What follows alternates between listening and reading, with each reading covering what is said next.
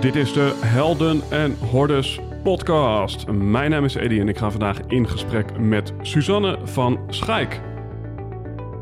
In de zomer van 2016 ontdekten we dat we een schakel waren in een netwerk van mensen die wij Conscious Business Founders zijn gaan noemen. Bijzonder gemotiveerde ondernemers die echt voor durven te staan. Ook als dat inhoudt dat ze daar alleen voor staan.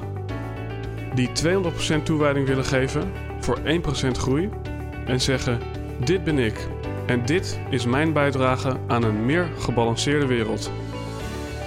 Helaas kon je niet bij al deze gesprekken aanwezig zijn. Daarom hebben we die bijzondere verhalen voor je samengebracht in deze podcast. We wensen je veel luisterplezier, maar belangrijker nog, we hopen dat jij de volgende stap gaat zetten in jouw avontuur.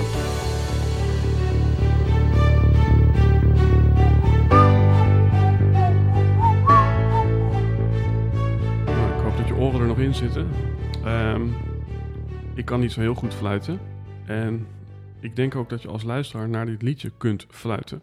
Nu je hem zo vaak hebt gehoord. Want dit zal een van de laatste keren zijn dat dit liedje als intro klinkt. We zitten uit mijn hoofd op aflevering 97.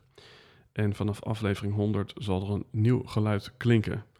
Wees niet bang, of misschien ook wel, want ik blijf gewoon de host van deze podcast. Maar er gaan in de branding en in de muziek hier en daar wat dingen wijzigen. In deze aflevering 97 zit ik aan tafel met Susanne van Schaik. Een fervente luisteraar overigens van deze podcast, wat interessant is omdat zij een high-end business coach is. Maar ja, blijkbaar dan naar een podcast luistert die ook ja, veel al over bewustzijn en spiritualiteit gaan. En daar heeft het ook over in deze aflevering, hoe je eigenlijk uit andere bronnen je inspiratie en je learnings kunt halen dan dat wat misschien het meest voor de hand ligt. Waar we het ook over gaan hebben is hoe maximalisme zich verhoudt tot minimalisme, waarom rijkdom ook beklemmend kan zijn en waarom je wellicht jezelf ook mooi mag maken als je alleen thuis bent. Dan uiteraard het officiële intro, want Susanne van Schaik is ondernemer en business coach. Ze helpt ondernemers in coaching, training en consultancy om zich high-end te positioneren, zodat ze met een simpel bedrijf heel winstgevend kunnen zijn. Suus was in 2011 een van de eerste fulltime fashion bloggers van Nederland en werkte daarnaast jarenlang als freelance content creator, copywriter en influence marketeer. In 2017 gooide ze het roer om en specialiseerde ze zich in high-end inkomensmodellen. Ze inspireert op Instagram en in haar podcast ondernemers om een bedrijf te hebben waarmee je veel verdient en veel vervulling gaat ervaren. En dat zonder dat je keihard werkt. Nou, dit is geen valse belofte. Ik zie Suzanne echt als iemand die door goed nadenken en de juiste keuzes ontzettende slagen maakt. Ladies en gentlemen, Suzanne van Schaik. Alright, beste luisteraar. De dag die je wist die zou komen is eindelijk hier.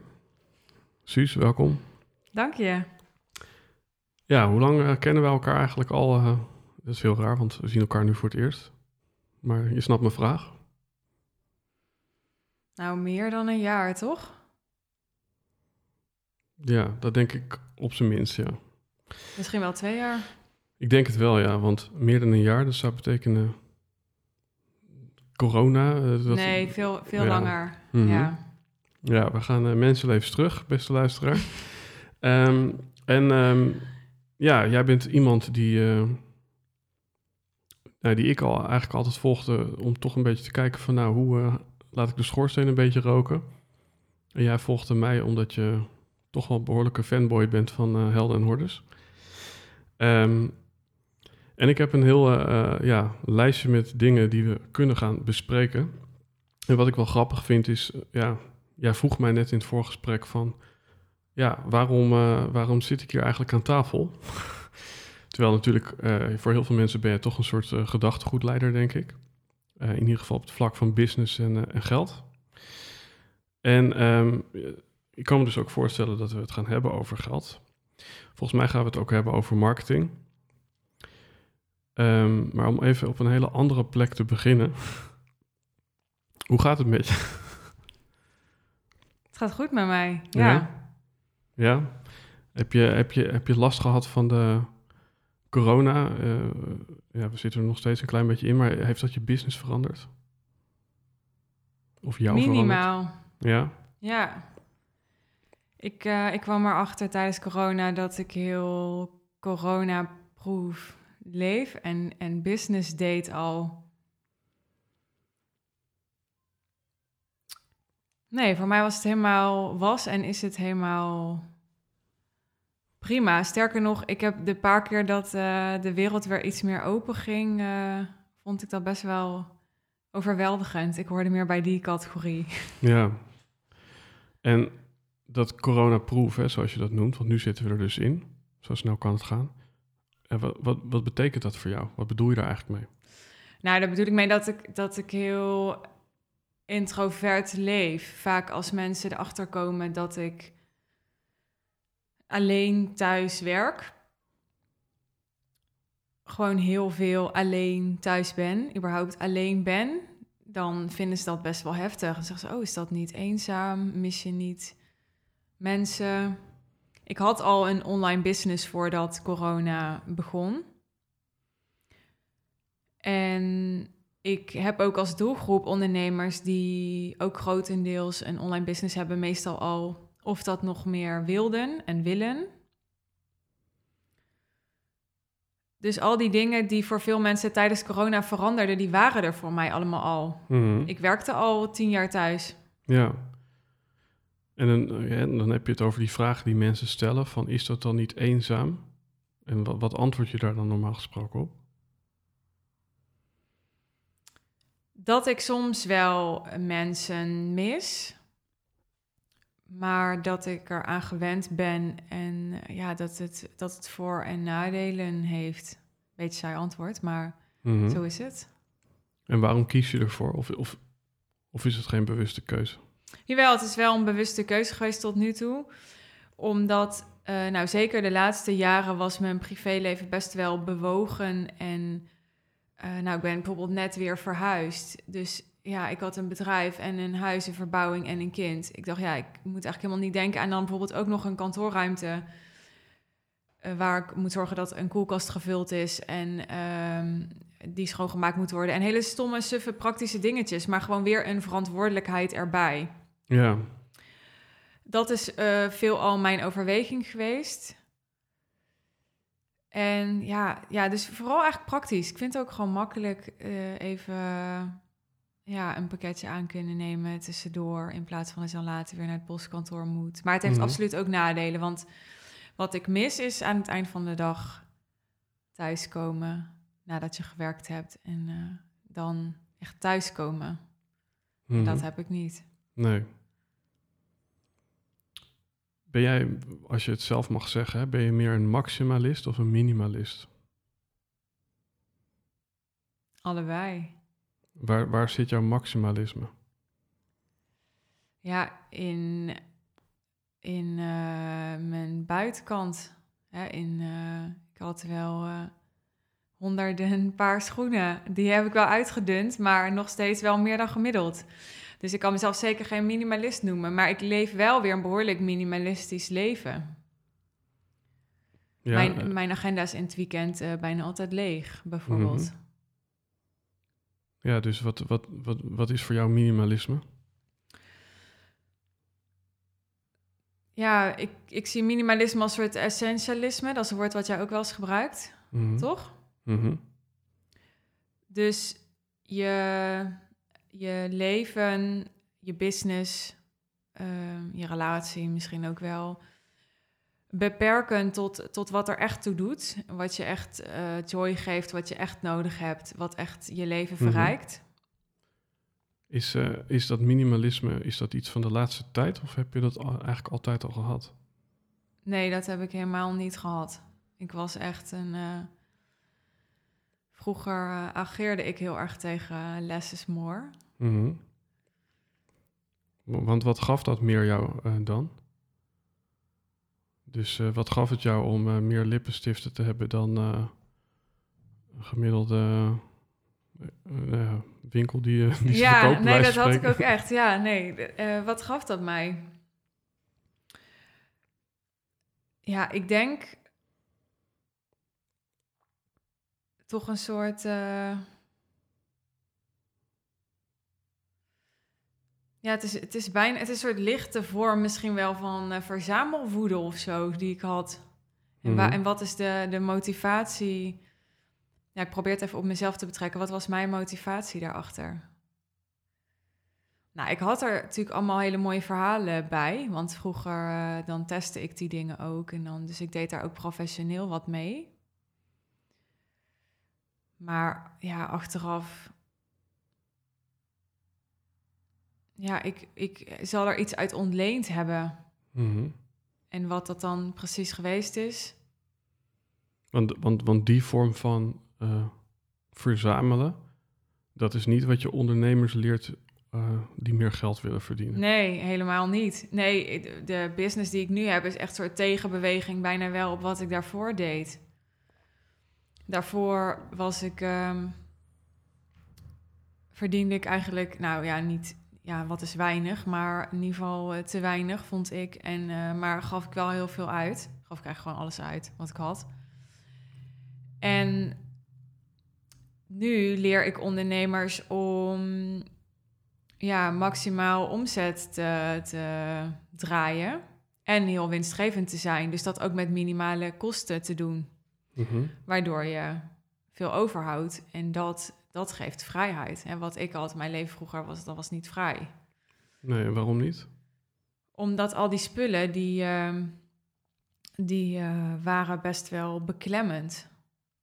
Nog steeds vind ik hoor, ik ben net verhuisd en dan nog steeds denk ik, ik heb echt nog te veel. Mhm. Het is nog steeds, want je moet het allemaal in een doos stoppen. Je moet het allemaal uitpakken. Je moet het allemaal elke week afstoffen. Ja, ik ga Ja. het heel pragmatisch maken, hè, Mhm. maar je moet elke keer als je het in je hand hebt, moet je denken: oh, wil ik dit eigenlijk nog wel? Heb ik hier nog iets aan? Ja. Ehm, het, het vraagt allemaal aandacht. Ik moet denken aan Mark Zuckerberg, die iedere dag hetzelfde draagt. Ja, Omdat hij dan in ieder geval die keus niet hoeft te maken. Ja. Wat doe ik vandaag aan? ja. Bij jou eh, zit dat volgens mij ietsje anders. ja, dat zou ik niet kunnen. Nee, dat, Nee. dat eh, kleding en zo, dat is wel echt mijn zelfexpressie.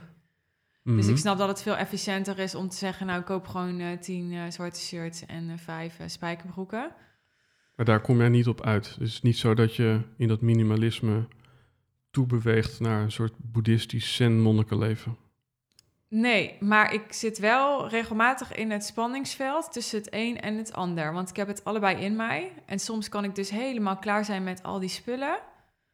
Al die spullen. Ik- Het is, ik heb helemaal niet meer zoveel, maar in ieder geval met wat ik nog heb. En op een ander moment kan ik ook weer ja, helemaal verliefd worden op schoenen. En dan gewoon weer drie paar schoenen kopen. En Mhm. er dan ook weer gewoon heel blij mee zijn. En, eh, en Ben jij iemand die dat ook, eh, hè, eh, dat je zeg maar je, jezelf opmaakt en mooi maakt? Is dat iets wat je ook doet als, er, als je die dag niemand ziet? ja, ja, ja. Oh, en dan moet ik eigenlijk nog aan toevoegen, als je ook niet op stories zichtbaar bent, dus gewoon helemaal bent. eh, Ja. Ja? ja. En, en wat geeft dat jou dan? wil niet zeggen dat ik, dat ik elke dag make-up op heb. Maar ehm, soms heb ik wel eens geen make-up op. Maar dan ga ik ook zonder, zonder make-up op stories. Dat doe ik ook wel eens. Mhm. Dus dat, dat ik kan wel zeggen dat... Nou, ik wil niet zeggen dat er helemaal geen verband is. Want ik zal eerder geen make-up op doen als ik ook niet de deur uit ga. Maar ja, wat geeft mij dat? Ja, ik, voor mij voelt het echt als zelfexpressie. Het is natuurlijk ook wel ijdelheid. Maar het is ook... ehm, kijk, ik zou prima gewoon één look kunnen hebben... waarvan ik denk, nou, dan vind ik mezelf op mijn mooist. En dat dan elke dag kunnen doen. En dan Mhm. maar dat, dat, daar gaat het niet over voor mij. Ik vind het echt leuk om... Weet je wel, nu heb ik eh persiklippen en morgen heb ik weer rood. En dan heb ik weer... En, en dat, Mhm. dat is gewoon heel intuïtief van... Nou, dit, dit voelt lekker vandaag. Mhm. En, en zo heb ik dat ook met mijn haar en met mijn kleding. En ehm, Want je bent Enneagram type eh 1. ja, En nou ja, voor de luisteraar, ik zal in de show notes een hele goede test eh, zetten. Die moet jij trouwens ook even doen. Eh, want dan krijg je een soort uitbreiding op je, op je profiel. Dus Enneagram ja, duidt eigenlijk negen karaktertypes. En eh, als je deze test doet, dan krijg je daar ook nog weer verdieping op. Dan ben je bij wijze van spreken 9,2,3. Eh, maar dan weet je nou ja, nog specifieker wie je bent en wat dat betekent. En type 1 is eh, perfectionistisch van aard. Idealistisch, zei je zelf ook. Ehm, en toch hoor ik je in dit gesprek best wel een soort van kwetsbaar. Dus in je uiterlijk eh, streef je misschien perfectie na. Nou, helemaal niet. Nee? Nee. Want wat, doet dat, dat opmaken of mooi maken? Is, is dat geen perfectie nastreven? Nee. Wat is het dan wel? Ja, het is dus een stukje ijdelheid, absoluut. En het is, ja, ik kom toch weer op, eh, op die, op die zelfexpressie. Het is voor mij iets, iets, ja, iets creatiefs. Ja. Ik heb, ik heb hier ook, eh, ik heb ja, jarenlang een fashionblog gehad.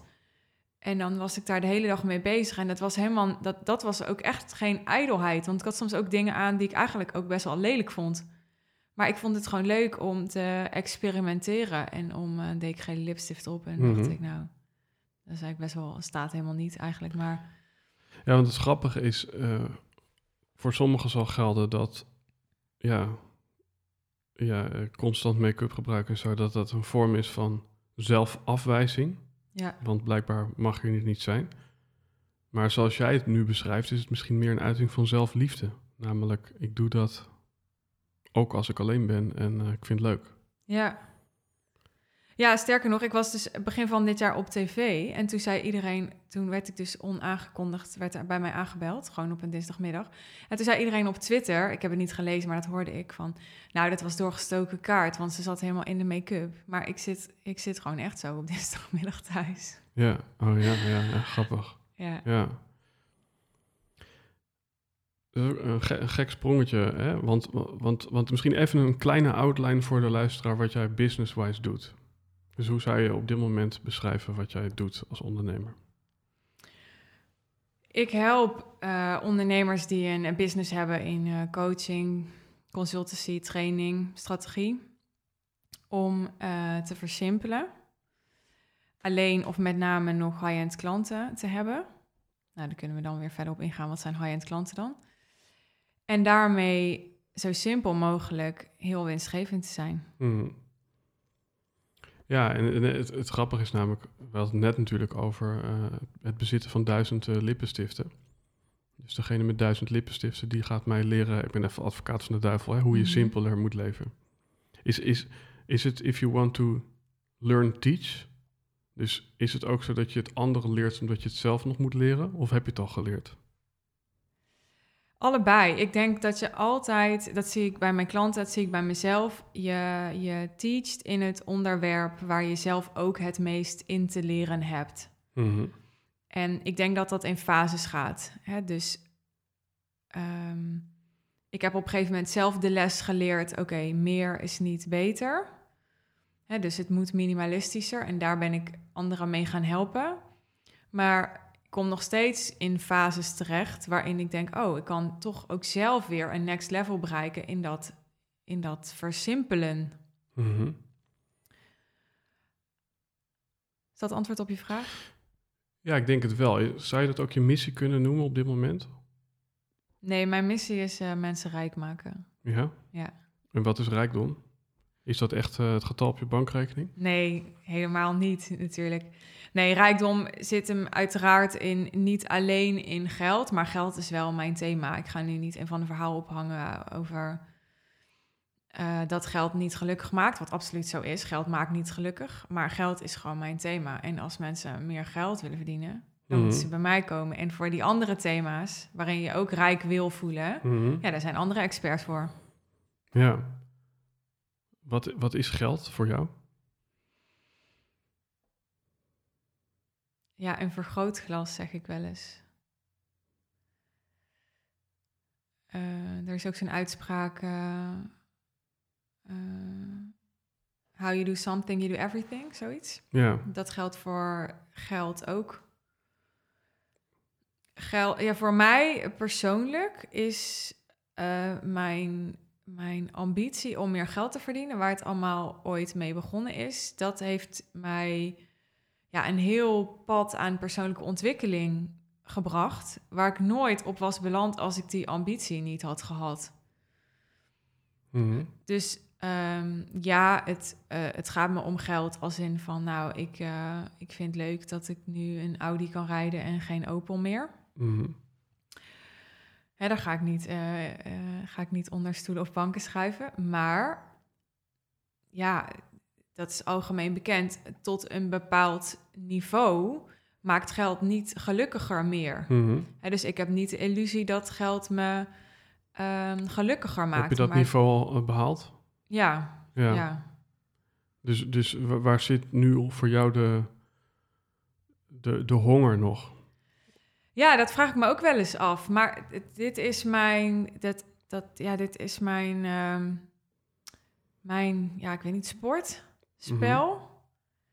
Maar ik, ik had het net met jou in het voorgesprek over uitleven. Zo voelt het heel erg voor mij. Van, ik kan me voorstellen dat ik over een aantal jaar denk, nou, ik ben ook wel weer klaar met dit thema.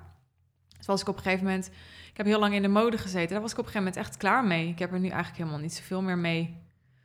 Dus ik kan me voorstellen dat dat met voor geld ook geld. Grappig. maar nu heb ik dat echt nog uit te leven. Mhm. En eh, heb ik er, ja, ik, ik, ik weet soms ook niet waar mijn motor vandaan komt. Maar ik heb echt een, eh, een, een ik denk nooit van, nou ja, het is, het is wel genoeg of zo. Voel jij jezelf onafhankelijk? Ja en nee. Waar zit je afhankelijkheid nog? Eh, op, ja, ik denk op heel veel punten. Hadden wij het net ook over in het voorgesprek. Ehm, financieel ben ik, ben ik van niemand afhankelijk. Maar ehm, praktisch eh, voel ik me dat soms wel. Van, eh, nou, mijn ex hadden we het over net. Eh, maar ook ik heb op een bepaalde manier de neiging om mezelf afhankelijk te maken. En heb ik gemerkt. Ook bijvoorbeeld van mijn, eh, van mijn VA of van mijn team. Die laat ik dan de mail doen. Maar dan kom ik er zelf ook niet meer in. Ik ben gewoon al een half jaar niet meer in mijn mailbox geweest. Waardoor ik soms me opeens kan realiseren... ik heb me eigenlijk afhankelijk van hen gemaakt. Mhm.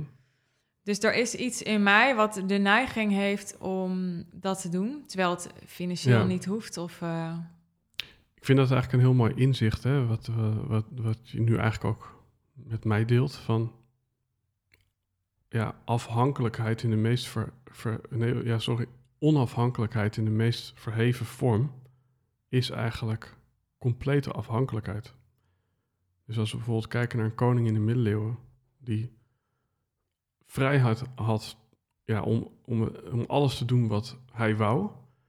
Ja, dat was in de praktijk iemand die overal naartoe ging met een nar, met een bediende, met een schoonmaakster. Weet je wel? Dus die was eigenlijk ook compleet eh, incompetent. Die, die moest alles vragen aan, aan de ander. Ja, mooi woord. Want dat, ik voel me ook wel eens zo. Ik zeg ook wel eens tegen mensen voor de gein van... ja, ik kan nog geen, eh, nog geen eh, spijker in de muur slaan. Ik heb nog nooit een muur geverfd. Ik kan geen koffie zetten. Ik kan hele basale dingen volgens mij die heel veel mensen kunnen. Laatst vroeg iemand aan mij... ja, waar zit de, de hendel om je motorklep open te doen van je auto? Geen idee. Mhm. Heel veel dingen weet ik gewoon niet of kan ik gewoon niet. En eh, daar kan ik soms eh, om lachen en een beetje een grapje over maken. Maar soms denk ik ook wel eens, nou, misschien is het wel heel treurig. Ja, want, waar, waar, want ik zie inderdaad ook een stukje ondeugendheid van... Er zit ook ergens een kick, toch? Het is toch ergens, ergens ook wel heel, heel tof... Dat je, dat, eh, dat je mensen hebt die je mailbox beheren en zo.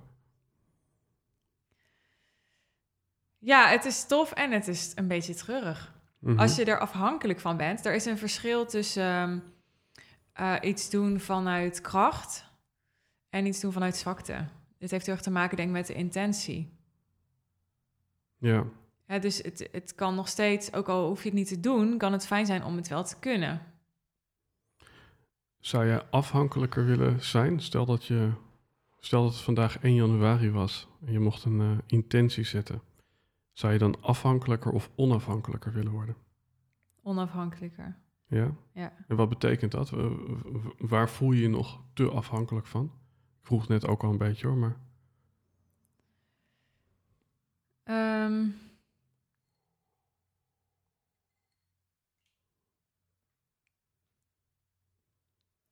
Ja, als ik het even samenvat van mensen die dingen voor mij opknappen.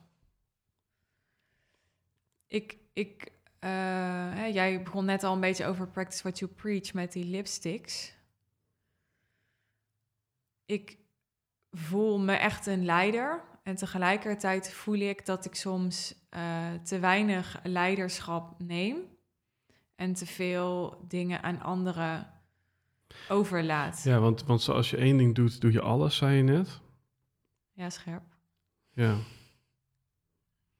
Dus ik, ik vraag me altijd af hè, of, of dat ook echt zo is. Ehm, maar eigenlijk wat ik je hoor zeggen is: oké, wil jij je omzet verdubbelen? Kom er even langs. Weet je wel? Dus daar zit echt dat leiderschap. Maar inderdaad, van eh, thuis, oeps, lekkage. Dan, eh, dan weet je nog niet eens wie je moet bellen. Ja. Zo is het wel een beetje. Of, of zit daar eigenlijk ook leiderschap? Namelijk dat, dat je een soort natuurlijke autoriteit uitstraalt, waardoor die ander het wel voor jou gaat fixen. Dat en het leiderschap zitten er ook in dat ik gewoon duidelijk heb gekozen van dit is mijn, mijn eh, ja, dit is waar ik mijn aandacht aan geef, waar ik mijn prioriteit aan geef. Ik, ik ben ook zo succesvol met mijn business, omdat ik ook dus al die andere dingen niet doe, niet wil kunnen. Hè, waar andere ondernemers misschien een neiging hebben om heel veel zelf nog te blijven doen. Nou, dat heb ik helemaal niet. Hmm. Dat wil ik helemaal niet. Ik wil zo min mogelijk zelf doen. En dat kan ik ook niet. Weet er zijn heel veel ondernemers die kunnen gewoon zelf websites maken uh, of zelf hun podcast online zetten. Nou, ik heb geen idee hoe dat moet. Mhm. Dus, en dat is ook mijn kracht, want het geeft ook focus. Hè, dus Ja. ik heb heel duidelijk gekozen voor, maar dit kan ik wel. En sommige dingen kan ik wel. En daar kies ik voor. Wat kan je wel? Coachen. Ik ben Ja. een goede coach. En, en een goede strateeg. Wat maakt, En- wat en maakt, een, goede, wat maakt een goede coach? Ja, een, een, eh, een klant van mij en meerdere klanten die, eh, die, hebben, die zeggen... jij zegt dingen die anderen niet eh, durven zeggen. Ik denk dat daar... Dat, ja, dat klinkt heel... Ik vind het eigenlijk heel suf klinken. Het- alsof het alleen maar dat is, coach. Klinkt heel simpel. Maar er zit wel echt een kern van waarheid in. Eh, ik, ja, ik spreek denk ik dingen uit die ja, waar andere mensen, andere mensen vermijden, zich niet aan willen branden. Ja. En wat voor dingen zijn dat dan? Waar moet je aan denken? Ehm, nou, eh, veel klanten moeten echt leren bij mij als ze zich meer high-end gaan positioneren en meer high-end klanten gaan krijgen. Dat high-end voor mij ook echt betekent, we hadden het net over eerlijkheid in het voorgesprek, eh, om heel eerlijk te zijn. En dan merk ik pas, voor mij is dat eigenlijk heel normaal, maar dat het voor heel, heel veel mensen niet heel normaal is. En dan komen ze bij mij en dan zegt ze, ja, ik had nu dit en dit met een klant en ik weet niet hoe ik dat op moet lossen. En dan zeg ik, maar heb je het daar al met die klant over gehad? Ja, het is echt te suf en Mhm. te simpel voor woorden. En dan heel vaak is het antwoord nee. Of ze zeggen ja, maar ze bedoelen eigenlijk nee. Want dan gaan we erop door. En dan Ja. denk ik, nou, je hebt iets gezegd wat er misschien een klein beetje op lijkt. Maar je, je, je hebt het helemaal niet gezegd zoals het is. Zoals jij waarneemt. Ja, want, want eerlijkheid, en dan zet ik het woord openheid er even naast. Ehm, waar we het net ook over hadden, van voor mij ben jij iemand, oké, eh, je bent inderdaad, eh, ik, ik noemde het net eh, transparant geregisseerd. En daar bedoel ik mee van, er is, ja, er is iets inderdaad directs aan jou of iets opens, maar er is ook iets heel geregisseerds in de manier waarop je jezelf positioneert, in de, ja, de, de branding van je Insta-page. En eh, wat is voor jou het verschil tussen openheid en eerlijk? Want vaak gebruiken we die woorden in één zin, open en eerlijk. Maar wat is voor jou het verschil tussen die twee woorden? Ja, mooie vraag. Ik denk dat, dat ehm, ik veel eerlijker ben dan open. Ik ga nu uitleggen waarom. Omdat ik heel eerlijk kan zijn over, nou bijvoorbeeld dus in een klantrelatie. Hè, dus dan kan ik heel eerlijk zeggen van, nou dit is wat ik waarneem. Of dit is wat ik denk dat jij nodig hebt. Ook al is dat oncomfortabel. Maar dat is iets anders dan dat ik open en kwetsbaar ben, echt als, als mijzelf, als Suus. Hè, dus bij openheid denk ik ook veel meer aan, aan dat je hart open is. Dat je, dat je kunt verbinden, dat je geraakt kunt worden, dat je... Kan je geraakt worden? Ja, ik kan, ik kan wel geraakt worden, maar ik heb ook wel... Ik ga het niet mooier maken dan het is. Ik heb ook wel eh, een muurtje. Mhm. Ja, want dat is ook een beetje wat ik van je krijg in je, in je hele business. Hè? Van, ik denk dat heel veel mensen heel veel baat hebben bij wat jij doet. Inderdaad, eenvoudig eh, rijk worden, als ik het even samendruk. Ja, wie wil dat niet? Ehm, maar ik kan me ook voorstellen, en dat was mijn eigen post van gisteren, dat je in het zoeken naar ja, die onafhankelijkheid ook onraakbaar kan worden. Eh, dus dat je denkt van oké, ik heb mijn eigen geld. Ik heb mijn eigen competentie. Ik heb mijn professionaliteit. Ik heb mijn track record. En dus ja, hoef ik me eigenlijk ook niet meer te verbinden. Weet je, je zei net, ik doe dingen vanuit huis. Ja, nou, in feite kan je waarschijnlijk eh, door je laptop open te klappen, of misschien niet eens, want dat doet dan ook nog iemand anders. Kan je gewoon, eh, ja, weet je, iemand die gooit af en toe een, eh, een, eh, een mooie zalmmaaltijd door de brievenbus en eh Ja, hartstikke idee. ja. Ja, dat is de spijker op kop. Dat is absoluut waar. Ja. Is dat, is dat iets waar, waar je ook bewust van bent? Ja. Ja, anders zou ik dat niet ook zo nu, nu zeggen, denk ik. Daar, ik ben me daar heel bewust van. Zijn er dingen die je doet om je meer te verbinden of open te stellen? Ja, zelf gecoacht worden. Dat is wel echt een belangrijke daarin. Ja, ik zit nu zelf ook weer in een coachingstraject. Hadden wij het net ook even over. En dan eh ben echt nu weer kindstukken aan het helen. Ehm, ja, en wel echt met dat als doel. Om, om, eh, om beter te kunnen verbinden. Ik, ik, ehm, ik kan het met klanten en, en potentiële klanten en zakelijk kan ik het al veel beter. Mhm. Maar eh, ja, ik maak niet zo snel vrienden. Nee. Ja, want het, het is ook weer grappig, want je zegt, oké, kindstukken helen, om me vervolgens beter te kunnen verbinden. Maar goed, dan zit je hier met een badass aan tafel, want ik had gisteren imperfectie eh, maakt verbinding. Ja, Dus wie zegt dat je die kindstukken moet helen om te kunnen verbinden? ja. Ik vraag het aan jou, hè? Ja, eh, dat zegt niemand. En ik, dat is, dat, ik zeg ook niet dat dat moet, want het is ook niet zo dat ik nu niet verbind. Hè? Dus t- er zitten allemaal nuances in. Maar als je voelt dat je ergens ehm, geblokkeerd wordt, dat vertelde jij net ook in het voorgesprek, hè, van ik werd ergens geblokkeerd. Ik, eh, bij mij was het denk ik zo zelfs dat ik niet eens voelde dat ik geblokkeerd werd. Dat ik gewoon dacht dat wat ik voelde normaal was. Maar dat ik dat je dan. Ik, ik miste wel iets in mijn leven. En dan ga je zoeken van. eh, maar hoe kan ik dat dan. ehm, hoe kan ik dan meer vervulling ervaren? En dan ga je zoeken naar wat dat dan is en wat het middel is om daar te komen. En zo benoem ik dan kindstukken helen. Niet omdat dat het doel moet worden, zoals jij zo mooi schreef in je post. Maar wel omdat dat een middel kan zijn. Want was je niet verbonden of was je verkeerd verbonden? Even een woordgrapje. Ja, nou ja, ik denk is verkeerd verbonden niet eigenlijk niet verbonden. Je, je kan, Mooi, ja. toch? Mooi. Ja. Ja, precies. Dus dan ben je bij wijze van spreken omwille van het feit dat je allebei een eh, gele Audi hebt, ben je vrienden. Maar dat ze eigenlijk verkeerd verbonden zijn. Ja, dat, zo ben ik helemaal niet hoor. Nee. Ik ben helemaal niet dat ik vrienden heb op de buitenkant. Maar ik heb gewoon überhaupt gewoon weinig vrienden. Ja. En dat zeg je eigenlijk toch weer, nou, redelijk opgewekt. Ja, en dat is dat muurtje. Dat, Ja. dat is dat muurtje. Dat ik, dat, ik kan dat zeggen en dan, dan voel ik daar niet eens wat bij. Terwijl Ja. het heel normaal zou zijn, weet ik, als ik daar wel wat bij zou voelen. Mhm. Wat ben ik echt kwetsbaar, hè? Mhm.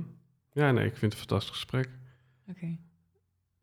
Ja, want ehm, Of eerlijk. Misschien ben ik niet kwetsbaar, maar wel eerlijk. Want, want, want dan hebben we het even over taal. Is, is taal voor jou iets waar je wel dus blijkbaar iets van die gevoelens kan, kan uiten? Ja, taal vind ik fantastisch. Ja, daarom ben ik ook echt fan van jou. Omdat uh, er, nee, er zijn niet zoveel mensen die echt, echt heel, goed, uh, heel goed zijn met taal, hoor. Mhm. Ben je het met me eens? Ja, de, ik, ik ben het daar wel mee eens, ja. Ik denk inderdaad, ehm, ja, de, de taal die je dus ook ja, intrinsiek spreekt, dus van binnen, die bepaalt eigenlijk hoe je het leven ziet. Ja. Dus je kunt dan maar beter een beetje taalvaardig zijn.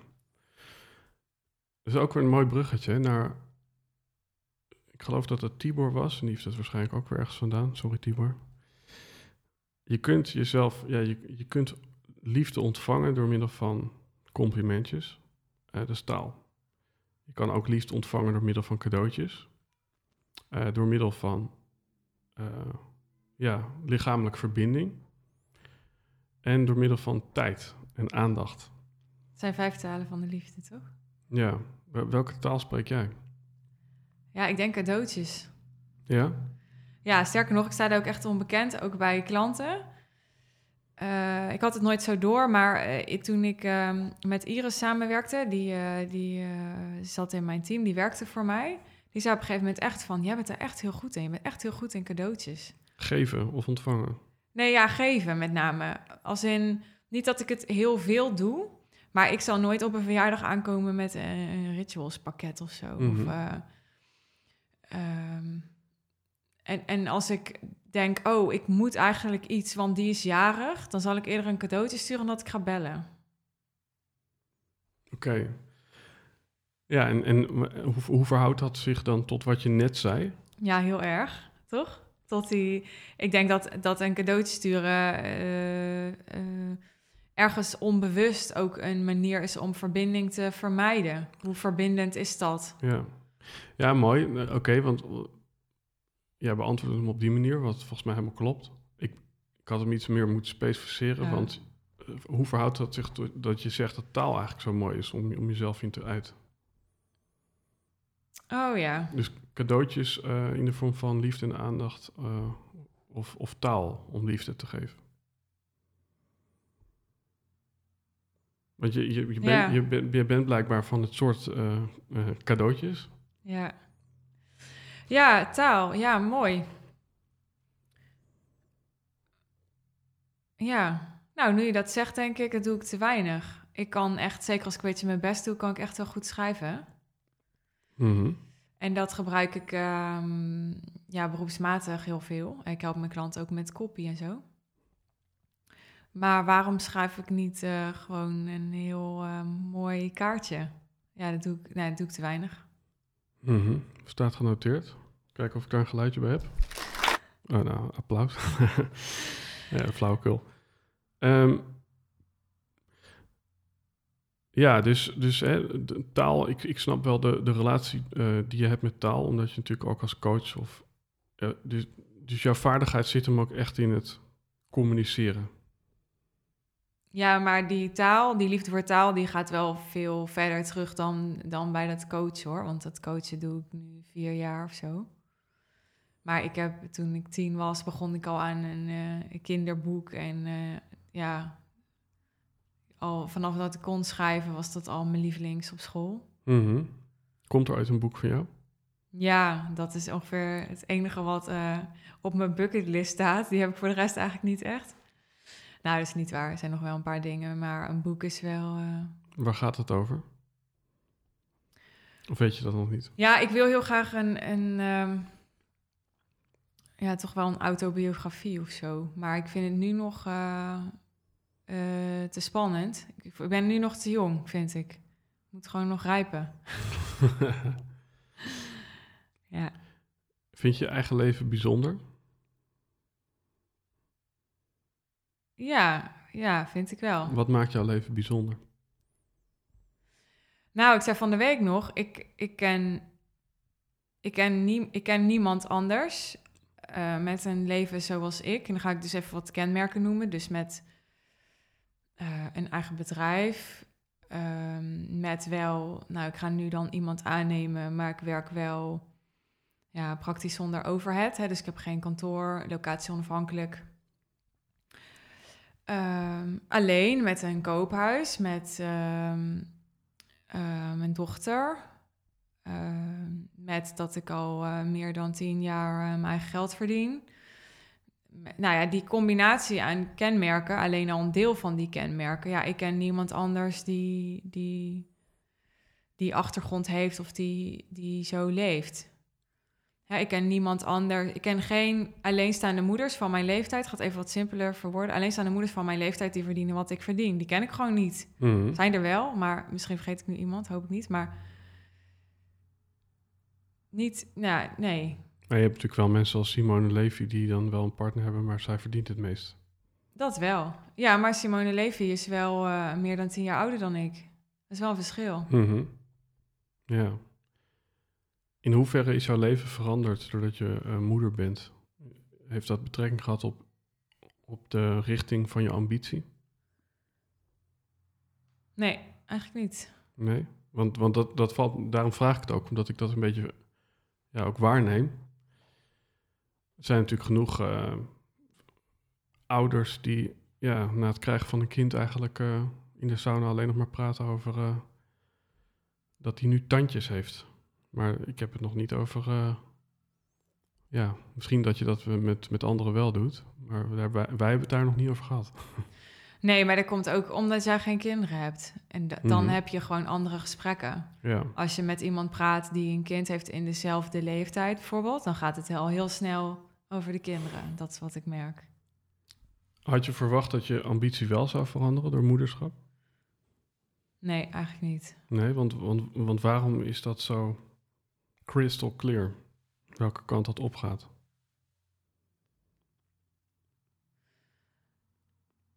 kan je daar geen eh, duidelijk antwoord op geven. Ik heb op een dag bedacht, het is wel vaak gebeurd in mijn leven.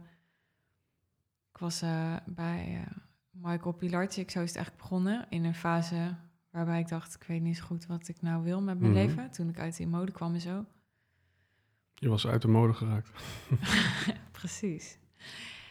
En toen eh, heb ik daar bedacht, ja, ik wil ehm, voor mijn dertigste een miljoenenbedrijf.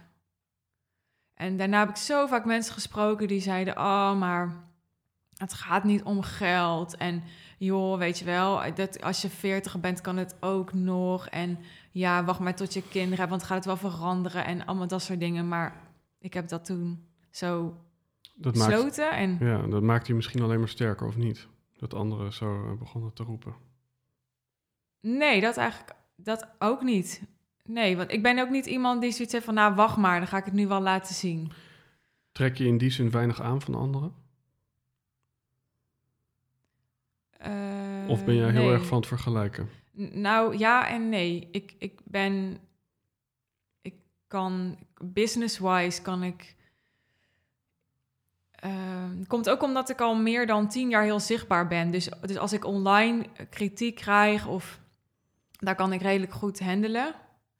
Of gewoon, eh, soms is het niet eens kritiek, maar gewoon genegeerd worden. Dat je denkt, nou, er reageert helemaal niemand. En daar kan ik allemaal redelijk goed mee omgaan. Maar eh, ja, privé kan ik wel eh, als iemand, stel iemand die dichtbij me staat, dat is het misschien. Mensen die verder van me afstaan, daar kan ik redelijk goed langs me, langs me heen laten glijden. Maar als iemand dichterbij komt en die zou bijvoorbeeld een opmerking maken in de richting van dat ik iets niet goed doe als moeder of zo. Nou, daar kan ik wel, dan word ik wel echt eh, geraakt. Mhm.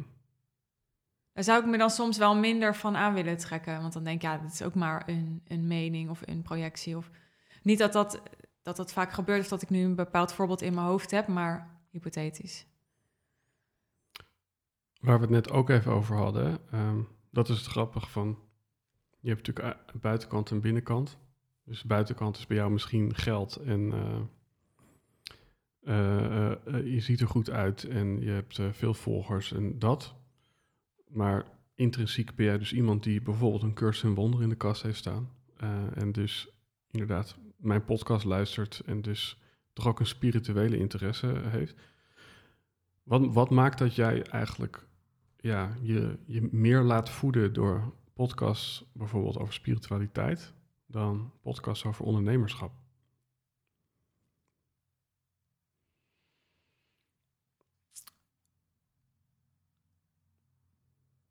Wat maakt dat ik me meer laat voeden? Want ik kan me voorstellen dat, dat jouw klanten dan denken van oké, ik moet nu naar Suus luisteren uh, hoe ik een six-figure inkomen krijg. Maar als ik precies doe wat zij doet, zij luistert eigenlijk alleen maar naar Koos Jansson. Ja, maar dat is ook best uh, als je op de met ja, als je met de juiste intentie luistert, dan is dat ook best wel nuttig om een six-figure business te krijgen hoor. Ja. Het is niet zo dat je succesvol wordt als je alleen maar eh, over ondernemerschap consumeert, want zo werkt het natuurlijk niet. Want zeker in het type business wat ik heb en wat mijn klanten hebben, is het heel belangrijk uh, hoe het met jou gaat en vanuit welke energie jij dingen doet en uh, hoe bewust je je bent. En ja, daar helpt spiritualiteit meer bij dan een podcast luisteren over uh, marketing. Mm Ja, want je hebt ook wel gezegd dat je best wel pragma pragmatisch bent. Klopt. En ik denk van, nou ja, zo de, de vertaalslag van uh, een citaat uit een cursus en wonderen naar uh, ja, hoe je business praktisch inricht. Hoe, hoe doe je dat dan? Nou, bijvoorbeeld door dan naar jouw podcast te luisteren. Ja, want, dat is wel, daar zit wel die vertaalslag in. Ja? Voor mij, ja. En naar andere podcasts natuurlijk. En andere boeken te lezen. Ik heb ook wel uh, Willem Glaudemans gelezen en zo. Die vertaalt dat dan uh, mooi.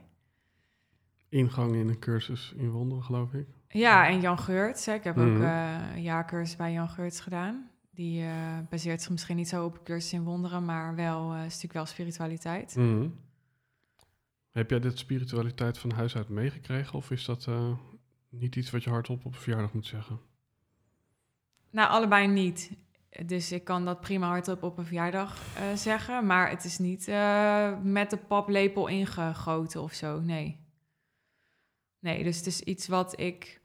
Ja, jij hebt het over pragmatisch, maar ik denk dat ik ook vanuit een soort pragmatisme uh, interesse kreeg in spiritualiteit. Omdat je op een gegeven moment gewoon loop je tegen de grenzen aan van uh, groeien door alleen maar meer te leren over marketing en zoiets. Op een gegeven moment zit daar de oplossing gewoon echt niet meer. Eigenlijk zit al vrij snel daar de oplossing niet meer.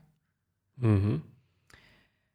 Of de oplossing, ja, dat klinkt net alsof er een probleem is wat gefixt moet worden, maar in ieder geval de groei of de het doorbraak. Is een, het is een beetje van het, het ja, het theorieboekje van... Uh van de auto, die, uh, nou, dan leer je wat borden uit je hoofd en hoe hard je mag. Ja. Maar, maar, de rest gebeurt eigenlijk niet meer in het boekje, maar op de weg. Ja, precies. En, en uh, als ik één ding ook mijn klanten hoop mee te geven over ondernemerschap, dan, dan is het als ondernemer zo belangrijk hoe je uh, omgaat met je emoties, hoe je mm -hmm. je emoties hanteert.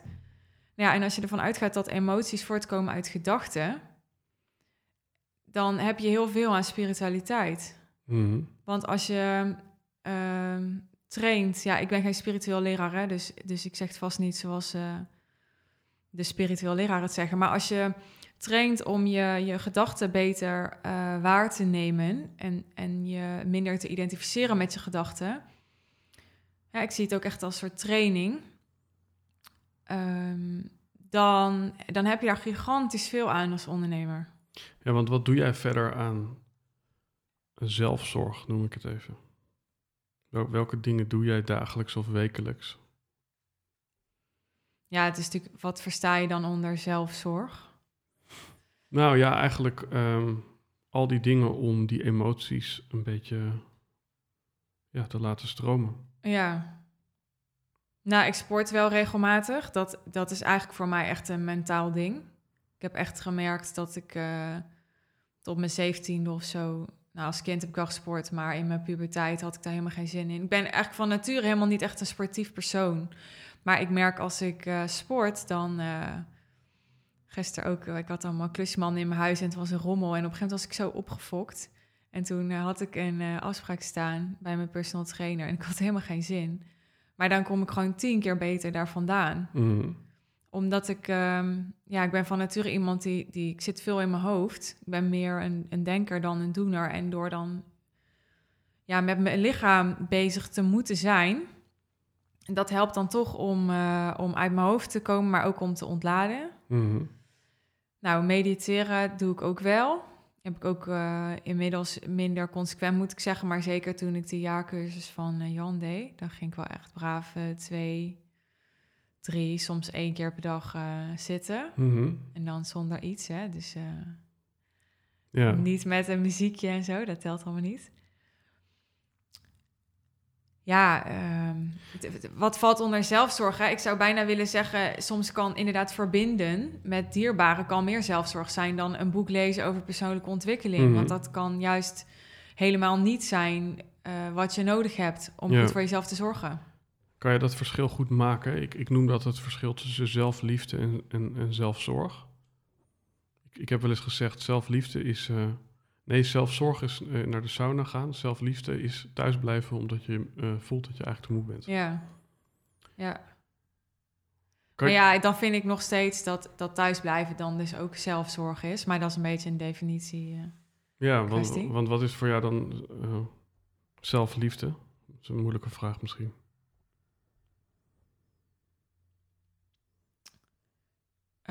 Ja, zelfliefde is, ehm, is je, je innerlijk vrij voelen, denk ik. Mhm. En ja, als ik dat praktisch moet uitleggen, wil je dat ik dat praktisch uitleg? Nou, volgens mij ben je al bijna begonnen. Dan, eh, dan is dat autonoom ehm, kunnen kiezen. En dat bedoel ik niet dat er iemand naast je zit op de bank die zegt: Oh, eh, je moet thuis blijven of je mag niet gaan. Dat bedoel ik niet met autonoom. Maar dat bedoel ik meer dat je eh, los bent van je conditioneringen. Wat niet wil zeggen dat je ze kwijt bent. Hè, want het, dat, ja, het blijft denk ik bij je. Maar dat je wel ervoor kunt kiezen om niet te handelen naar je conditioneringen. En dan kun je echt vrij en autonoom Mhm. handelen. In hoeverre eh, zit hier een andere vrouw aan tafel dan vijf jaar geleden? Ja, voor. eh, Ik dacht, eh, mijn eerste gedachte was 90%, maar dat is wel heel veel. Laat ik zeggen 70 of zo, of 70% wel. Ja, Wat ook al een aardige transitie is. ja. Is dat ook wat andere mensen zouden zeggen? Dus eh, mensen die jou goed kennen, bedoel ik dan? Ja, dat snap ik. Ehm, nee, die zouden wel zeggen dat ik... Maar niet in die mate, denk ik. Ik, ik denk dat mijn, eh, mijn gedrag soms nog een beetje achterblijft bij hoe ik me voel. Dat zei ik net eigenlijk ook al over die leider. Van ik voel me echt een leider. Mhm. Maar ik zie wel dat soms mijn gedrag daar nog een beetje in, in achterloopt of zo. Ja.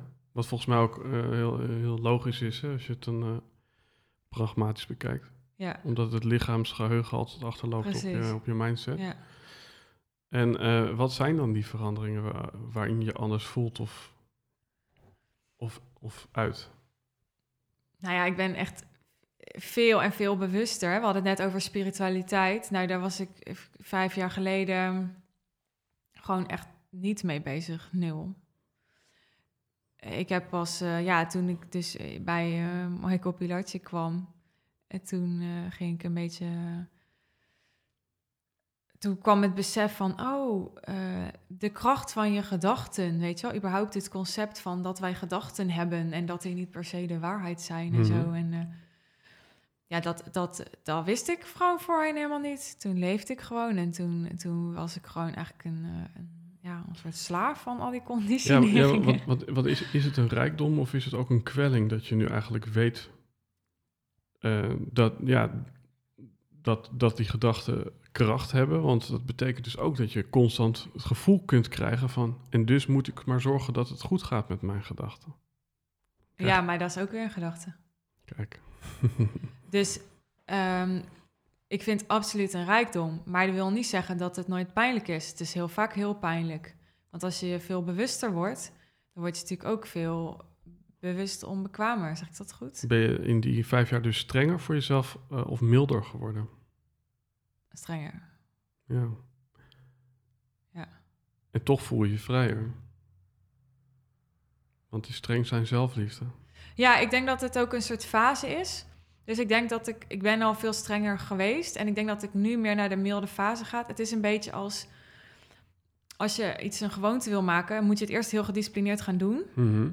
Totdat het zo in je systeem zit dat je het meer los kan laten. Zo zie ik het. En zo is het bij mij ook, weet je, ik heb, ik denk dat ik op een bepaalde manier best wel obsessief bezig ben geweest met persoonlijke ontwikkeling ook. Mhm. Eh, maar ik had ook al vrij snel door, omdat ik er zo mee bezig was, dat dit waarschijnlijk een fase was en dat dat ook wel weer overging.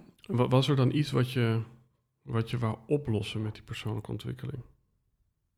Een probleem? Ja, ja, da- ja. Wat was het probleem? Eh, niet gelukkig genoeg zijn. Mhm. Ja. Hoe, hoe gelukkig ben je nu? Ik vind gelukkig een heel zwaar woord. Ik vraag me wel eens af of ik. eh, ja, dat vind ik wel ongemakkelijk om te zeggen. Maar ik vraag me wel eens af of ik ooit echt zal zeggen in mijn leven: van nu voel ik me echt gelukkig. Ik geloof dat ik in momenten me gelukkig kan voelen. Mhm. Maar ik vind gewoon echt uitspreken van: nou, ik ben gelukkig. Dat, voor mij is dat echt wel een ding. Ja. Ik weet niet of ik dat ooit gevoeld heb. En ik weet ook niet of ik dat ooit ga voelen. Ik weet ook niet of ik dat per se nog heel erg nastreef. Ik vind het wel mooi dat je daar, daar zo eerlijk over kunt zijn. Ik, ik denk, misschien maakt dat op zichzelf wel gelukkig. Dat je, dat je in, in ieder geval niet iets hoeft te zijn zoals het hoort. Maar dat je gewoon mag eh, zeggen dat je je niet goed voelt. Wat ik net trouwens ook zei. Eh, dames en heren, ik voel me op het moment kloten. Jij zei net, eh, ja, in hoeverre laat jij je nou echt zien in de podcast? Dus nou, vandaar dat ik daarop kom. Hoe zit het dan met jouw dankbaarheid? Zie je, ik ga heel snel weer door. Ja, ja. Maar, maar eh, eh, ja, geluk zijn dus momenten. Hoe, hoe is dat met jou in dankbaarheid? Zijn dat ook momenten? Of, of heb je het gevoel dat er steeds meer een soort... Ik geloof dat er drie lagen zijn van eh, een dankbaar moment... eh, en eh, een, een, dankbaar, eh, een dankbare fase, dus dat is bijvoorbeeld een paar dagen. Of een dankbaar karakter. En dan, dan is het echt een state of life, zeg maar. ja. Waar zit jij? Hoe sta jij in het leven eigenlijk? ja, ik, ja, ik zou eerlijk zijn. Hè? Nou, ik denk echt een dankbaar moment. Maar dit heeft heel erg te maken met die Enneagram type 1. Zo zie ik dat. Ik wil dat niet als excuus gebruiken, maar... Ja, Ja, en, en één is eigenlijk de perfectionist, dus het kan altijd beter en Ja. daardoor is het nooit goed. precies. Dus het, mijn natuur is, het, is te kijken naar wat er niet is. En mijn natuur is gewoon niet eh, dankbaar zijn voor wat er wel is. Dat is gewoon niet mijn natuur. Dus dat is echt iets waar ik bewust mee bezig moet zijn. Mhm. Waar ben je dan nu wel dankbaar voor? Ik zeg trouwens natuur, maar het is eigenlijk niet natuur. Het is meer neiging. Maar goed, dat is een nuance. Copingmechanisme. Ja, ja, precies. Klopt. Dus, dus waar, waar ben je nu dankbaar voor?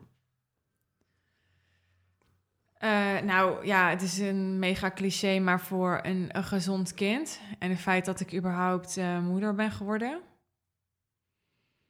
Want eh, ik heb PCOS, dat is een hormoonstoornis. En nou, dat, ze hebben me wel een beetje bang gemaakt daarover. Mhm. Dus, en toen was ik zwanger. Ja, En eh, ja, ik kan van alles vinden van hoe dat is gegaan. Maar ik kan ook echt in momenten heel erg voelen van... ja, maar ik heb nu wel een hele mooie dochter... en die pakt niemand me meer af. Mhm. En, en, eh, en, en dat is iets, weet je, dat, dat, voelt, dat heb ik niet zoals een omzetdoel of zo. Dat heb ik niet kunnen bereiken. Het voelt echt als iets wat, wat me is gegeven.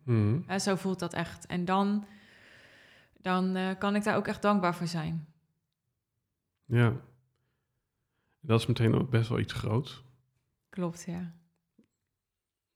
Ja, in, in kleine dingen van... eh, ja, is, is er misschien ook nog een klein ding wat, wat- nu in je opkomt? Nou, gewoon dat ik nu hier zit en dat jij mij eh, hebt uitgenodigd en eh, dat ik dan jou eh, ontmoet na twee jaar. jouw podcast luisteren. En, Ik vind het wel grappig, want jij dacht eerst dat je jezelf had uitgenodigd. Nou, omdat jij net zei in het voorgesprek Mhm. van, eh, van dat mensen soms zichzelf uitnodigen. Daar mag ik wel hardop zeggen, toch? Dus toen ging ik opeens twijfelen. Ik dacht, heb ik dat ook gedaan? ja, grappig. Nou ja, goed, kijk, dat thema dankbaarheid, ik denk dat dat eh, heel interessant is. En waar zie je op dit moment dan nog een tekort? Of heb je dat niet heel helder? Daar hadden we het net ook over. In mijn leven? Of, Ja, ja. of in waar ik dankbaar voor ben? Nou, nee, in, in jouw leven van, van, van wat is, als ik hem dan toch even positief fo- formuleer, iets waar je nog heel graag eh, achteraan wilt. Om, om, om, om, ja, om, om het tekort eh, op te lossen of op te vullen. Nou, precies dat niet eigenlijk. Dat als je dat dan zegt, dan denk ik gelijk... eh, nee, ik... ik zelfs ook al ben ik super gedreven om, om mijn, mijn doelen te halen... ben ik heel resultaatgericht persoon... Het voelt nu ook al niet alsof ik daar achteraan aan het gaan ben. Het voelt veel meer als iets waarvan ik weet, nou, dat gaat gewoon gebeuren. Mhm. En ik heb gewoon de, de motivatie elke dag om daaraan te bouwen. Ja. Maar het voelt niet als iets waar ik aan, het achteraan aan het gaan ben. Nee, wat het grappige is, hè, van, eh, ik heb het hele lijstje nog niet gebruikt, maar er staat ook de wet van aantrekking. Dat is ook een thema waar je het regelmatig eh, in andere podcasts over hebt gehad. Ehm, volgens mij is dankbaarheid is de wet van aantrekking. Ja, En nu hoor ik jou eigenlijk zeggen van nou, ik ben iemand die... eh, eh, het, het glas eh, was niet half leeg, maar het, het, ja, het glas is aan diggelen gevallen op de grond. ja, dat is overdreven van mij. Ja, maar ja, nou ja, goed. Ik, nogmaals, ik ben heel eerlijk hier. Ehm, ik zou ook ongetwijfeld nog veel meer kunnen bereiken op, op basis van, van aantrekking, in plaats van op eh, daadkracht. Hoewel ik ja, in mijn business nu wel het gevoel heb dat ik echt momentum heb. En ja, punt, dat ik echt momentum heb. En doordat ik dat gevoel heb, het gaat niet misschien niet eens om het momentum zelf, maar om, doordat ik het gevoel heb dat ik momentum heb, trek ik het ook aan. Snap je? Want ik, ik zit dus niet vanuit een soort ehm, wanhoop van, oh, ik moet wel mijn, mijn doel halen, of oh, het moet wel gaan gebeuren. Of, maar ik zit er heel relaxed in op dit moment. Ja, dus, dus is de wet van aantrekking er meer door te relaxen of is hij er door alles heel positief te zien? Nou, volgens mij is dat het hele probleem rondom de wet van aantrekking. Dat mensen denken dat als je het iets positief gaat zien, dat het dus dan naar je toe komt. Maar zo werkt het niet, al is het maar omdat je, je kan niet afdwingen Mhm. om iets positiefs te zien. Weet je wel, je kan niet. Je kan wel met je mind je gedachten gaan overrulen, maar je, de wet van aantrekking die werkt volgens mij niet op je mind, die werkt op je frequentie. Mhm. Hè, dus terwijl ja, zien is, is waarneming, vind ik, vind, ja, voor mijn gevoel zit dat meer op ratio. Denk je dat, ehm, dat je mind in de weg zit bij, bij de wet van aantrekking? Ja, kan, maar kan net zo goed in je voordeel werken natuurlijk. Je, volgens mij is je mind echt een soort machine die jij moet aansturen. En, het, en, en je krijgt dus niet wat je wil als jij dat niet aan het aansturen bent. Volgens Mhm. mij gaat het daarover. Ja, wat er net in me opkwam van, de, weet je, de wet van aantrekking is ook weer taalkundig, maar die komt misschien tot stand als je het je allemaal wat minder gaat aantrekken. Ja. Want ik, ik kan me voorstellen, daar bedoel ik eigenlijk mee, als je heel erg verwachting hebt over hoe iets moet zijn, dan komt er ook kramp en angst en schaarste. Ja. En dat, ehm, in, ja, dus in, aan de ene kant hebben we het over wet van aantrekking, maar Mike Pilarsi is ook wel van, hè, waar je ooit begon, van whatever the mind can believe, you can achieve. Dus in hoeverre geloof je in het zelf doen en in hoeverre geloof je in het uit de weg stappen om je doelen te bereiken? Ja, grappig, want toen jij net Michael noemde, toen dacht ik, ik heb echt... Als je het hebt over dankbaarheid, dan denk ik, ik ben hem echt heel dankbaar... omdat hij op, op, op een bepaalde manier zeg maar, aan het begin stond van een pad... wat ik ben gaan bewandelen. En ik voelde ook op een bepaald moment dat, dat ik... ehm, het heeft mijn psycholoog ook letterlijk tegen mij gezegd... ik zit even te twijfelen of ik dit, nu hardop ga zeggen. Maar zij zei tegen mij: Hij is echt levensgevaarlijk voor jou. En dus niet omdat hij levensgevaarlijk is, maar voor mij op dat moment, omdat. eh, nou, we hadden het net over, ik ben dus Enneagram type 1, dus ik ben van mezelf vrij normatief, weet je wel. Dus ik heb al heel erg de neiging om, ehm, ja, om, om een beetje dogmatisch te denken van zo moet het wel, zo moet het niet. En als je goed naar, naar ehm, Michael luistert, dan, dan hij heeft ook, in ieder geval was toen zo, hij, hij gaf een soort tien stappen plan. En ik ga dat dan heel, ehm, ik kan dat dan heel dogmatisch gaan uitvoeren. En dat werkt mij tot op zekere hoogte. Want als er een tien stappenplan zou zijn waarmee iedereen succesvol en gelukkig zou worden, ja, dan was iedereen het natuurlijk. Dus op een gegeven moment, om nu een linkje te leggen naar jouw opmerking net, moest ik dus inderdaad juist die tien stappen ook weer helemaal loslaten en uit Mhm. de weg gaan. En dat was veel meer het punt dat, dat ik spiritualiteit interessanter ging vinden. Dus eerst ging het heel erg over de mind, Ja, over psychologie, Ja. over persoonlijkheid. En toen dacht ik, ja, maar dit kan ik niet meer verder met de mind oplossen. En nu moet het echt, eh, moet het, maar nu, nu heb ik behoefte aan iets anders. Nu heb ik iets anders nodig. ja. En ik, ik herken dat ook wel. Ik, ik beschrijf dat vaak als jazzmuziek. Van je moet eerst al die noten en die ladders uit je hoofd kennen... om vervolgens ja, die toonladder totaal te verlaten en iets eigens te maken. En wat ook nog even in me opkwam... en ja, dat zou ik dan dus ook aan jou willen vragen van... je beschrijft nu eigenlijk van oké, nu bekijk ik het meer spiritueel... toen meer praktisch... Totdat mijn oom, eh, die af en toe ook een aflevering eh, bekijkt, zei van ja, maar de meest praktische dingen zijn de meest spirituele dingen. Weet je wel? Eh, het kan zo helend zijn om de afwas te doen, om Ja. wat te doen. Dus in hoeverre ja, is er wel sprake van een praktische en een spirituele variant? Of, of, of, of is het allemaal eh, spiritueel of allemaal heel praktisch? Nou, spiritualiteit gaat wat mij betreft niet over eh, dat bijvoorbeeld op een kussen zitten spiritueler is dan de afwas doen. Eh, spiritualiteit gaat voor mij dus veel meer over: ehm, ben je geïdentificeerd met je gedachten? Of ben je de waarnemer van je gedachten? Mooi, mooi. Ja, super scherp. Ja. En dat kan je ook doen als je de afwas doet. Ja. ja, ik ben vooral de waarnemer van iemand die de afwas doet. dus eh, daar krijg ik ook nog wel eens commentaar op. Ehm, ik heb hier nog staan, dames en heren. Troost uit podcast halen. Ik haal hem er toch maar even weer bij. En toen zei je daarna, ja, troost, troost, troost. Ja, misschien kan je hem hier zelf even oppakken. Ja. Wa- wa- Wat, waar- waarom moet een mens getroost worden? Wat bedoel je daarmee? Eh, wat ik bedoel is dat, dat eh, ik soms in mijn, eh, we hadden het net ook over melancholie, ik in mijn melancholische buien soms perspectief kan missen. Ja, dus, dus niet dat ik nou heel bewust nadenk over, ja, wat heeft het allemaal voor zin, maar wel dat ik, dat ik, ehm, dat ik rationeel nog weet waar ik het voor doe, maar dat ik het niet echt meer kan voelen. En dan kan ik een, eh, een podcast luisteren, die, die van jou, een interview van jou of een andere. En eh, dus eh, ja, eigenlijk luister ik acht van de tien keer, dus meer spirituele podcasts.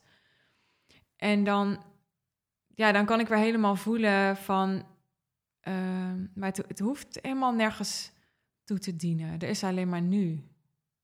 En dan kan ik helemaal dan weer zo in, in ontspannen, in die gedachten. Er is alleen maar nu. Ja, en kan, dat is een, een strikvraag, kan dat ook niet weer nihilisme veroorzaken? Van, oh, als het geen doel hoeft te dienen, kan ik het net zo goed ook niet doen. Ja, dat vraag jij heel vaak in je interviews, die ik al heel vaak gehoord. Mhm. Dus ik heb er ook wel eens over nagedacht ehm, wat ik daarvan vind. Maar ik denk, ja, op, op, ehm, op non-dualistisch niveau wel, maar op, op dualistisch niveau niet. Hè? Dus het zie ik gewoon als Mhm. twee levels waarop je dit spel kan spelen. We hebben gewoon het aardse en daarin wil ik gewoon doelen halen en omzet maken en zo. En we hebben het non-dualistische en daarin is er alleen maar nu en maakt het eigenlijk allemaal geen reet uit. bevind je je vaker nu in het non-dualistische? Of En denk je dat je daar naartoe beweegt of, of, of is, het- is dat niet nodig? Nou, het doel is niet om alleen maar daar te zijn of zo. Dat kan helemaal niet, want we leven gewoon in een dualistische wereld. Dus dat is helemaal mijn doel niet. Mhm. Mooi. Ja. Jij weet waarschijnlijk wat de laatste vraag is. Want we zijn alweer een eh, tijdje bezig. ja, dat zou ik moeten weten. Maar eh, ik kan er niet op komen. Ik heb niet zo'n goed geheugen. Nou, ik, ik heb eh, de hele tijd zo'n vraag van eh, een billboard langs de snelweg gehad. En wat er dan op moest staan voor de luisteraar. Oh ja. Maar eigenlijk waar het gewoon op neerkomt van... Zit hij ook in de laatste afleveringen? Nee, Nee, hè? volgens mij niet. Ehm, dus, dus dat is ook meteen even de vraag van... Hoe oud ben je nu, nu we dit opnemen? 27. Wat, ja, wat, wat zou je de luisteraar op jouw eh, leeftijd willen meegeven? Dat is trouwens wel gek. Ik, ik, ik kwam eh, op Google jou tegen en toen zag ik dat jij 22 was in 2011. Toen dacht ik, hé, dat is raar. Dan ben je nu eh 32 of zo. Ja, dus dat klopt niet. Maar wat zou je... Hè, want, want ik denk wel, dat, dat blijft waarschijnlijk ja, voorlopig nog achtervolgen. Dat je jong bent. Ehm, Nou, dat achtervolgt me niet hoor. Nee, maar, maar, maar er, zijn natuurlijk, er zijn natuurlijk van die eerste indrukken van... oké, inderdaad, eh, ja, eh, modepopje, ik, ik sorteer het even. Mm. Eh, eh, jong, dus wat de fuck kan ik eigenlijk van haar leren, weet je wel? En toch is Maar dat is iets anders dan achtervolgen, toch? Ja. Nou ja, dat klopt, maar het- je, je hebt misschien... Taal, hè? Ja, ja heel, heel scherp. Want ik kan me ook voorstellen dat, in, in die zin bedoel ik met achtervolgen, dat je dan op een plek kan uitkomen dat je eigenlijk je plek moet verdedigen. Van, van ja, maar ik, ik kan jou wel degelijk helpen en je hebt, je hebt misschien een verkeerd beeld.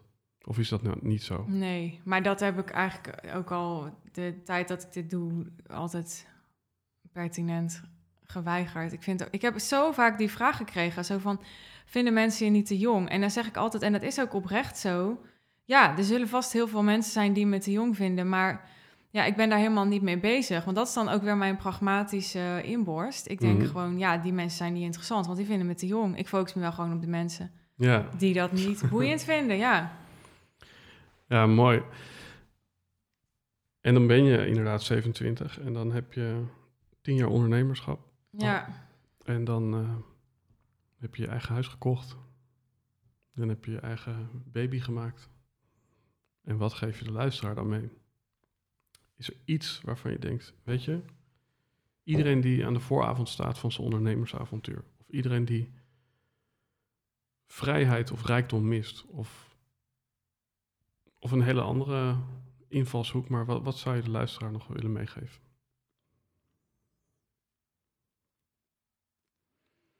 Ja, dat is een hele brede vraag. Want ja, als je het vanuit eh, ondernemerschap. Het is natuurlijk een, een mega wij van WC Eend adviseren WC Eend. Maar dan zou ik echt altijd zeggen: neem een goede business coach. Dat heeft voor mij ook ja, alles veranderd. Dus dat is toch gewoon echt mijn advies. Want wat maar is, dat is wat is, het-. Want wat is het verschil met, eh, met, met ja, deep thinking met jezelf doen? Dus veel journalen, wandelen.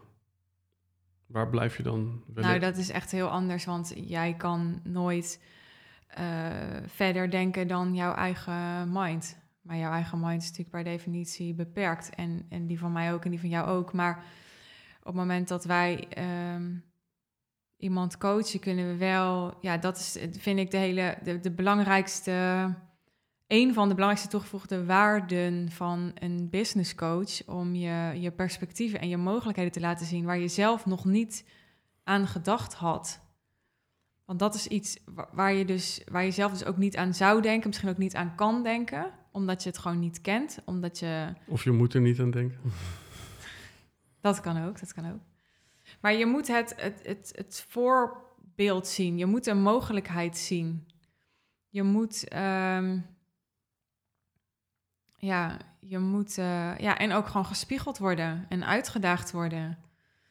En ehm, er zit ook een stukje commitment in. Weet je wel, een goede business coach kost ook geld. En als je geld gaat investeren, dan zeg je daarmee dat je je, je ambities en je doelen en wat dan ook je wil bereiken, je verlangens echt serieus neemt. Mhm. En ja, ik merk toch dat als je dat probeert te vermijden, dus als je denkt, oh, maar ik neem die toch wel serieus, hoef ik niet veel voor te investeren. Ja, dan, dan, dan kom je toch minder ver. Ik ken niet echt hele succes, alle succesvolle, zeker ook online, maar vast ook offline ondernemers die ik ken, die hebben allemaal hun mentoren en. Uh... Mhm. Is er dan nog iets uh, meer vanuit het leven? Ja. Iets wat je wilt delen? Daar zocht je naar, hè? Ja.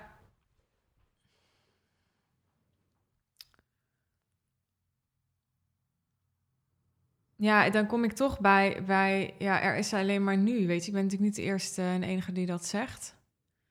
Maar ik denk dat dat misschien wel verfrissend klinkt uit mijn mond, omdat mensen mij heel erg associëren met doelen, dus iets in de toekomst, dus iets Mhm. vooruit. Maar ja, het, ook doelen hebben natuurlijk helemaal nul zin als je niet, eh, ja, mega cliché, maar als je niet de reis kunt ervaren. Want dan heb je geleefd zonder te leven straks. Dus ja, het slaat nergens op. Er vallen een aantal stiltes in deze podcast. Voor de mensen achter het stuur. eh, de aflevering draait nog steeds. Eh, schakel niet over. Ehm, nee, ja, ik... in het kader van geld uitgeven aan mezelf en daarmee aan jou. ehm, waar moet ik zijn om eh, mijn geld aan jou te geven? Dus wat is één link? Wat is één link, één plek waar je de luisteraar nu naar wil verwijzen en de rest vinden ze in de show notes. Ja, mijn eh, Instagram zit ik het meest. Of mijn podcast. Ik heb ook mijn podcast. Ja, gewoon mijn eigen naam. Instagram is eh Suus, S-U-Z van Schaik. En mijn podcast is ook gewoon mijn eigen naam, Suzanne van Schaik. Het zijn er twee, sorry. Kijk, toch weer dat minimalisme Ja. wat eh, onder druk komt te staan. Ja, Eh, thanks eh, voor je aanwezigheid en thanks voor het luisteren naar deze podcast. Ehm, thanks voor je bijdrage. Ik denk een hele waardevolle. Ik denk ook een heel mooi gesprek. En volgens mij ook een gesprek waarin we kanten van jou zien die we ja, misschien nog niet op heel veel andere plekken zijn tegengekomen. Dus ehm, ik ben eh, blij met deze productie. Eh, en nadat ik dit gezegd heb, gaat hij in productie. Dan gaat mijn broertje hem maken. Ehm, dus thanks. Ik, ehm, ik vind het leuk om je in het echt te ontmoeten. Ehm, leuk voorgesprek ook. En eh who knows, misschien na aflevering 100 mag ik mensen nog een keer uitnodigen. Dus misschien dat je dan niet in een gele Audi, maar in een zwarte Fiat Panda deze kant op komt. ja wie weet. En eh, wat daar dan in de tussentijd gebeurd is, dat hoor je, dames en heren, in aflevering 2. Dus thanks voor deze.